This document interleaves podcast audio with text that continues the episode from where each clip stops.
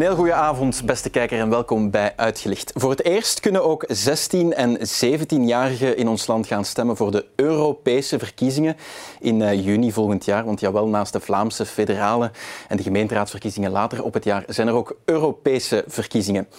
Ver van mijn bed, uh, denkt u wellicht als het gaat over Europa, maar met de regiogenoot en Europa-expert van de KU Leuven, professor Stefan Hekken, gaan we het hebben over wat Europa voor Oost-Brabant al heeft betekend en nog zou kunnen betekenen.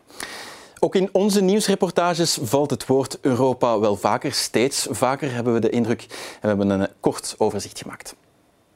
Er is ook vanuit Europa de belofte dat die honderd steden natuurlijk als eerste langs de kassa passeren, als ik het zo mag zeggen, voor Europese middelen, Europese subsidies, om die projecten waar te maken, want anders gaat het niet lukken. Leuvens burgemeester Ridouani twee maanden geleden. Hij wil geld van Europa om klimaatprojecten te subsidiëren. Leuven werd door de Europese Commissie geselecteerd als een van de 100 steden die tegen 2030 klimaatneutraal willen zijn. Maar alle klimaatprojecten zelf betalen is moeilijk. Zoals bij alle klimaat- en natuurprojecten in onze regio is Europees geld gemoeid zoals bij de Dode Bende in de Dijlenvallei. It is a good example because it combines a, a very nice biodiversity uh, um, impact. Uh, so there's a lot of species here that are very rare already in this part of Europe. Um, uh, we've seen a kingfisher just a few moments ago. This is very precious and very special. De Dode Bemde is voor sommigen een voorbeeld over hoe natuurherstel in Europa er moet uitzien. Ook het Velpenplan om de rivier de Velpen weer meer te laten meanderen en ruimte te geven om zo overstromingen tegen te gaan, wordt deels betaald door Europa. Europa legt doelstellingen op over klimaat- en natuurherstel. Met de Brabantse wouden wil Vlaanderen bijvoorbeeld enkele van die doelstellingen halen. Maar al die plannen veroorzaken ook kopzorgen. Bijvoorbeeld bij boeren die vrezen dat ze binnenkort niet meer kunnen boeren. Als in de toekomst een vergunningsaanvraag wordt gedaan voor een, ik zeg maar iets, een varkenskwekerij, kippenkwekerij, een grotere stal, hoe dat op dat moment gaat bekeken worden van ja, past dat wel in een nationaal park? Dus ik hou mijn hart daarvoor vast. We zijn heel duidelijk overeengekomen dat dat geen rechtsgevolgen heeft, dat dat ook geen ja, bestemmingswijzing nu niet, maar heeft. over een aantal jaren uh, misschien als milieunormen weer veranderen en een ander beleid, andere visie komt. Ja, ik, uh, ik heb natuurlijk geen glazen bol vanuit uh, Europa. Europa verstrengt natuurlijk heel snel de regels. Ook het crematorium Hofheide in Holsbeek bijvoorbeeld zou tegen 2030 40% minder moeten gaan uitstoten van Europa. En moet de komende jaren snel op zoek naar miljoenen om de vervuilende gascrematieovens te vervangen. Is dat realistisch? Ik denk dat het moeilijk is, maar het zal wel moeten, omdat het ja. Ja, een Europese afspraak is. Dus wij zijn hier in Vlaanderen niet alleen die met dat probleem zitten, maar eigenlijk zit heel Europa mm -hmm. met dat probleem.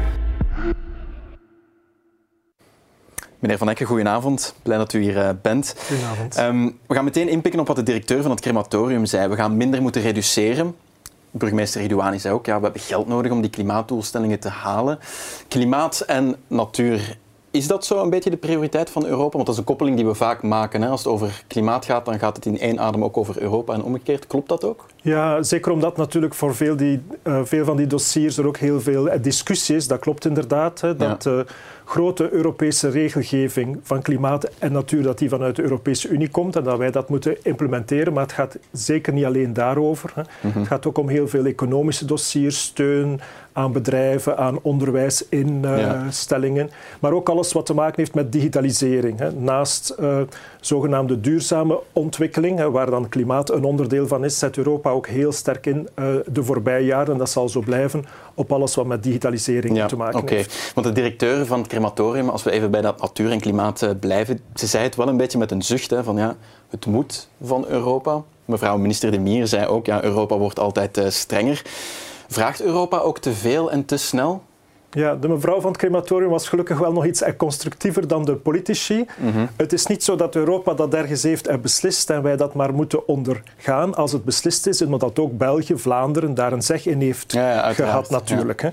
En natuurlijk, na verloop van tijd komt dat dan tot op het lokale terrein en moeten er allerlei maatregelen worden genomen die misschien anders ook hadden genomen moeten worden.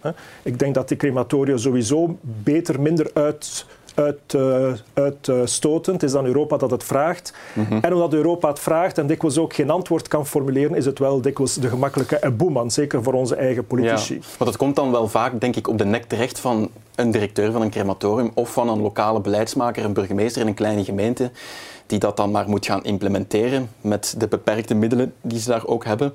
Ehm, ja, die, die burgemeesters die, die, die komen altijd wel meer en meer onder druk te staan vanuit Europa. Of is dat geen, geen, uh, geen juist gevoel? er is een verschil tussen allerlei regelgeving die eigenlijk eerst nog federaal en Vlaams passeert en waar dus de federale of de Vlaamse overheid wel een taak heeft om die lokale besturen daarbij bij te staan. Het mhm. kan niet de bedoeling zijn dat je problemen... te weinig. Ja, misschien is dat, dat wel een taak voor onze eigen politici, van die lokale besturen en zeker de kleinere gemeenten nog wat extra bij te staan in het implementeren van die nieuwe Europese regels. Dat is één zaak. De andere zaak is natuurlijk dat Europa ook heel wat aanbiedt, hè, waar trouwens gemeenten of lokale besturen niet op hoeven in te tekenen. Er zijn heel wat kansen, projecten waar dus men het is niet enkel een last, maar er zijn ook opportuniteiten. Nee, tuurlijk. Er is ook een groot aanbod wat Europa doet hè, en dat eh, de gemeenten daarop intekenen. Hè, dat is natuurlijk logisch. En daar zit ook wel eens een onderscheid. Hè. Kleinere gemeenten hebben dikwijls niet de capaciteit mhm. om daar mensen voor vrij te stellen. Uh, Zoals stad als Leuven zal daar makkelijker eh, de middelen Ja, tuurlijk. die hebben meer de, meer de expertise, zitten ook dikwijls in netwerken van andere steden die kijken, eh, kijken naar elkaar. dus het is wel zo dat kleinere gemeenten daar soms wel eh, benadeeld zijn. Goed, laten we eens kijken naar dat lokaal niveau. Hè. want hoe belangrijk is Europa eigenlijk voor Oost-Brabant op dit moment in die zin van, stel ik ben een inwoner van Kortenaken, Geetbets, Aarschot, ik zeg maar wat. Um, hoe anders zou mijn leven zijn mocht Europa er niet zijn op dit moment? Het zou toch anders zijn, denk ik, omdat anders projecten van de Vlaamse of de federale overheid misschien minder snel gerealiseerd zouden worden. Nu, het is geen kwestie van leven of dood. Hè. Mhm. Natuurlijk, Oost-Brabant is al bij al, en zeker vanuit een Europees perspectief, uit, vanuit een Europees perspectief relatief rijke regio. Mhm. Dat is niet te vergelijken met het zuiden van Polen of het oosten van Bulgarije. Dus daar moeten we wel mee rekening houden dat daar wel meer geld en middelen naar toe gaat. Mhm. Maar ze komen ook naar Oost-Brabant via allerlei manieren. Zoals? Dat kan via rechtstreeks projecten gaan. Uh, bijvoorbeeld het herstel van de Tiense Poort of de heraanleg van de Tiense Poort in Leuven had er misschien al veel langer moeten komen. Maar het is dankzij het coronafonds dat er eigenlijk geld op tafel is gekomen andere lokale besturen leggen daar, of de Vlaamse overheid legt daar geld bij. En dan komen dikwijls veel van die projecten in een uh, stroomversnelling. Ah ja, okay, En terecht, dat zien we ook bij, bij projecten die rond natuur gaan, plattelandsontwikkeling, maar er zijn ook de indirecte voordelen. Denk aan alle buitenlandse studenten die in Leuven zijn, uh, de grote aantallen uh, onderzoeksgeld die uh, aan de KU Leuven en elders wordt binnengehaald, dat zijpelt natuurlijk ook door. Dat is allemaal Europees geld vaak. Uh, ja, het is dikwijls in grote mate Europees geld, hè, maar ook die mensen krijgen natuurlijk een loon. Hè, die gaan ook naar de bakker. Hè, mm die, die kopen ook in allerlei winkels, hopelijk en lokaal. Dus dat, dat, dat effect ja. dat zijpelt wel door. En daar doet de regio als Oost-Brabant natuurlijk ook haar voordeel mee. Ja, want gaat het dan enkel over subsidies? Want ik denk dan van, goed, ja, die nieuwe fietspaden bijvoorbeeld aan de Tiense Poort of of, eh, het zal mij worst wezen wie dat betaalt, hè, Vlaams, federaal, als het fietspad er maar ligt. Is, eh, zijn daar dan echt al die instellingen voor nodig als het dan toch alleen maar gaat over subsidies? Blijkbaar wel, want anders was het eerder al gebeurd. Hè. Anders waren er al projecten geweest op vlak van natuur, anders waren die projecten misschien al geweest op vlak van mobiliteit. Europa dient dan dikwijls als een hefboom om eigenlijk de uh, nationale, de regionale en de lokale besturen dat extra duwtje te geven. Hè, Door mhm. te zeggen van kijk, dat past in de prioriteiten die wij voorop stellen, hè, mhm. bijvoorbeeld meer duurzame mobiliteit. Als jullie dat eigenlijk ook als een interessante doelstelling vinden, dan leggen we daar ook wat geld bij, hè, zodanig dat het voor jullie gemakkelijker is om die projecten te doen. Ehm, om dat in de praktijk te brengen en op een veel korte termijn, terwijl we anders alleen maar op en zouden zitten wachten. Ja, oké. Nu, wat er misschien ook nog bij zou kunnen helpen om Oost-Brabant iets dichter bij Europa te trekken of omgekeerd, is een parlementslid uit onze regio in het uh, Europees Parlement. Maar we zijn de enige Vlaamse provincie die geen parlementslid hebben zitten in het Europees Parlement. Is dat een probleem? Ja, dat klopt. We hebben natuurlijk heel lange, lange tijd wel een gehad en zelfs een Europese commissaris en Marian Thijssen. Maar dat is nu helaas niet meer het geval. En is dat een probleem, vindt u, dat, dat, dat Vlaams-Brabant dan eigenlijk niet vertegenwoordigd is in dat parlement? Ja, het zou zeker beter zijn en gemakkelijker. Al is het maar omdat de burgers van Vlaams-Brabant zich daar dan misschien ook beter mee kunnen identificeren. Maar anderzijds moeten we ook durven zeggen dat de problemen of de uitdagingen eh, van Vlaams-Brabant niet noodzakelijk zo en verschillend zijn van de andere Vlaamse eh, provincies. het, zijn er trouwens twaalf, binnenkort dertien. En die kunnen zich ook niet veroorloven om Vlaams-Brabant in de steek te laten. Trouwens, als er verkiezingen zijn, zullen ze ook in deze provincie moeten stemmen halen. Dus als ze mhm. slim zijn, dan houden ze zeker ook met de bekommernissen van deze regio rekening. Oké, laten we eens kijken naar de toekomst, hè, want die verkiezingen komen eraan. Uh, voor die verkiezingen, vanaf januari, wordt ons land ook nog voorzitter van de Raad van Vakministers die ook mee beslissen over heel wat de Europese wetgeving. Wat kan dat betekenen voor Oost-Brabant heel concreet? Eerlijk gezegd niet zo heel veel, denk ik. Hè? Want dat is toch... Ehm, ja, een zaak van diplomaten en ambtenaren en enkele politici die natuurlijk op hun domein een heel belangrijke rol spelen. Dat België of Vlaanderen dan het voorzittershamertje krijgt van ja, belangrijke besprekingen in de schoot van de Raad van Ministers. Het effect daarvan dat zal pas veel later duidelijk zijn. En het gaat over grotere... Het is bijvoorbeeld Nicole de Moor die uh, Juist, het gaat over emigratie, het gaat over economie, het gaat over een aantal andere grote dossiers die voor de ganse, Europe, ganse Europese Unie van cruciaal belang zijn. Dus ook voor Vlaams-Brabant, maar niet specifiek. Als het al een kans is, is het ook voor deze regio hier hè, wel de mogelijkheid om nog eens Europa uh, meer in het uh, voetlicht, voor het voetlicht te brengen en om inderdaad nog eens duidelijk te maken ja. op welke manier de Europese Unie ook voor burgers in hun dagelijks leven het verschil maakt. Want dat blijft natuurlijk wel onderbelicht. Hè. En ook bij die verkiezingen, er, ja, dat werd een beetje op hoera geroep toch wel onthaald. Hè. 16, 17-jarigen mogen dan nu voor de eerste keer gaan stemmen. Nu, het Grondwettelijk Hof heeft nog een uitspraak gedaan, dus het moet nog bekeken worden hoe dat dan precies in zijn werk gaat gaan. De vraag is dan wel, um, goed, ze mogen, of, of, ze mogen dan gaan stemmen, um, maar hoe ga je ervoor zorgen dat 16, 17-jarigen überhaupt een gedragen beslissing gaan nemen, een gedragen stem gaan uitbrengen voor Europa. Daar ligt toch nog wel een grote taak, denk ik, voor, voor Europa om dat, uh, die jongeren warm te maken. Ja, een heel groot. En trouwens niet alleen voor 16, 17-jarigen, denk ik. studenten misschien. Ja, dus voor alle leeftijden natuurlijk. Hè, kunnen altijd wel gebruik maken om van een kennis van, over de Europese Unie bij te spijken. Maar inderdaad, voor de allereerste keer lopen nu ook de 16, 17-jarigen in de kijker. We weten nog niet of ze verplicht zullen moeten deelnemen aan de verkiezingen, maar dat ze zullen deelnemen, dat staat wel vast.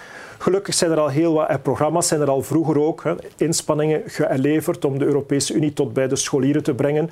Europa Direct van de provincie Vlaams-Brabant doet daar een aantal inspanningen over. Ook aan de KU Leuven is men met die dus, oefening bezig. Het is een bureau dat, dat Europa wat ja, probeert te informeren over Europa in Vlaams-Brabant. Ja, dat is een dienst binnen de provincie Vlaams-Brabant die eigenlijk als doorgeefluik dient voor de Europese Commissie, voor de Europese instellingen en mhm. tracht niet alleen eh, lokale besturen en bedrijven, organisaties te, te helpen, bijvoorbeeld naar subsidies, maar ook zelf ook trachten duidelijk te maken waar Europa toch, het, nog, een, toch nog een beetje te onbekend het, uh, verschil maakt. Ja. ja. En, en wat voor, wat voor initiatieven zouden er genomen moeten worden om dan toch die, die jongeren warm te maken voor Europa? Waar denkt u dan concreet aan? Er zijn initiatieven op klas- en op schoolniveau. Hè. Uh, maar ook aan de KU Leuven bijvoorbeeld. Met het fonds in Evolve EU trachten we de burgers dichter bij de Europese Unie te brengen. Wij zullen ook uh, in de loop van de maand maart een groot verkiezingsdebat houden. Mm -hmm. uh, daar is iedereen welkom, Leuven, maar dus ja. ook die 16 en 17-jarigen. Ja, oké. Okay. En ik heb, ik heb begrepen dat Europa direct ook een spel heeft gemaakt om, om langs scholen te gaan en zo. Dus um, zullen we nog moeten zien um, hoe dat in zijn werk gaat. Weet u het al op wie u gaat stemmen voor Europa? Ik denk het wel, maar dat ga ik hier niet, echt nee? niet, ver, niet verklappen. Trouwens, niet alle lijsten zijn al... Nee, nog niet. Hè? En volledig moeten ook nog zien. Dus de programma's zijn natuurlijk van belang, de partijen, maar ook welke mensen natuurlijk de politieke partijen naar en voor schuiven. Mm -hmm. Er is al heel veel aandacht geweest voor Vlaamse en federale lijsten, ja, maar ook het Europese plaatje is nog niet volledig, dus daar kijk ik wel naar uit. Ja, oké. Okay. Uh, meneer Van Ecke, dank u wel voor uw komst uh, naar de studio vanavond. En u uh, thuis ook bedankt voor het kijken. En mocht u interesse hebben in Europa en wat uh, Europa precies betekent voor uw straat, uw wijk, uw buurt, uw gemeente.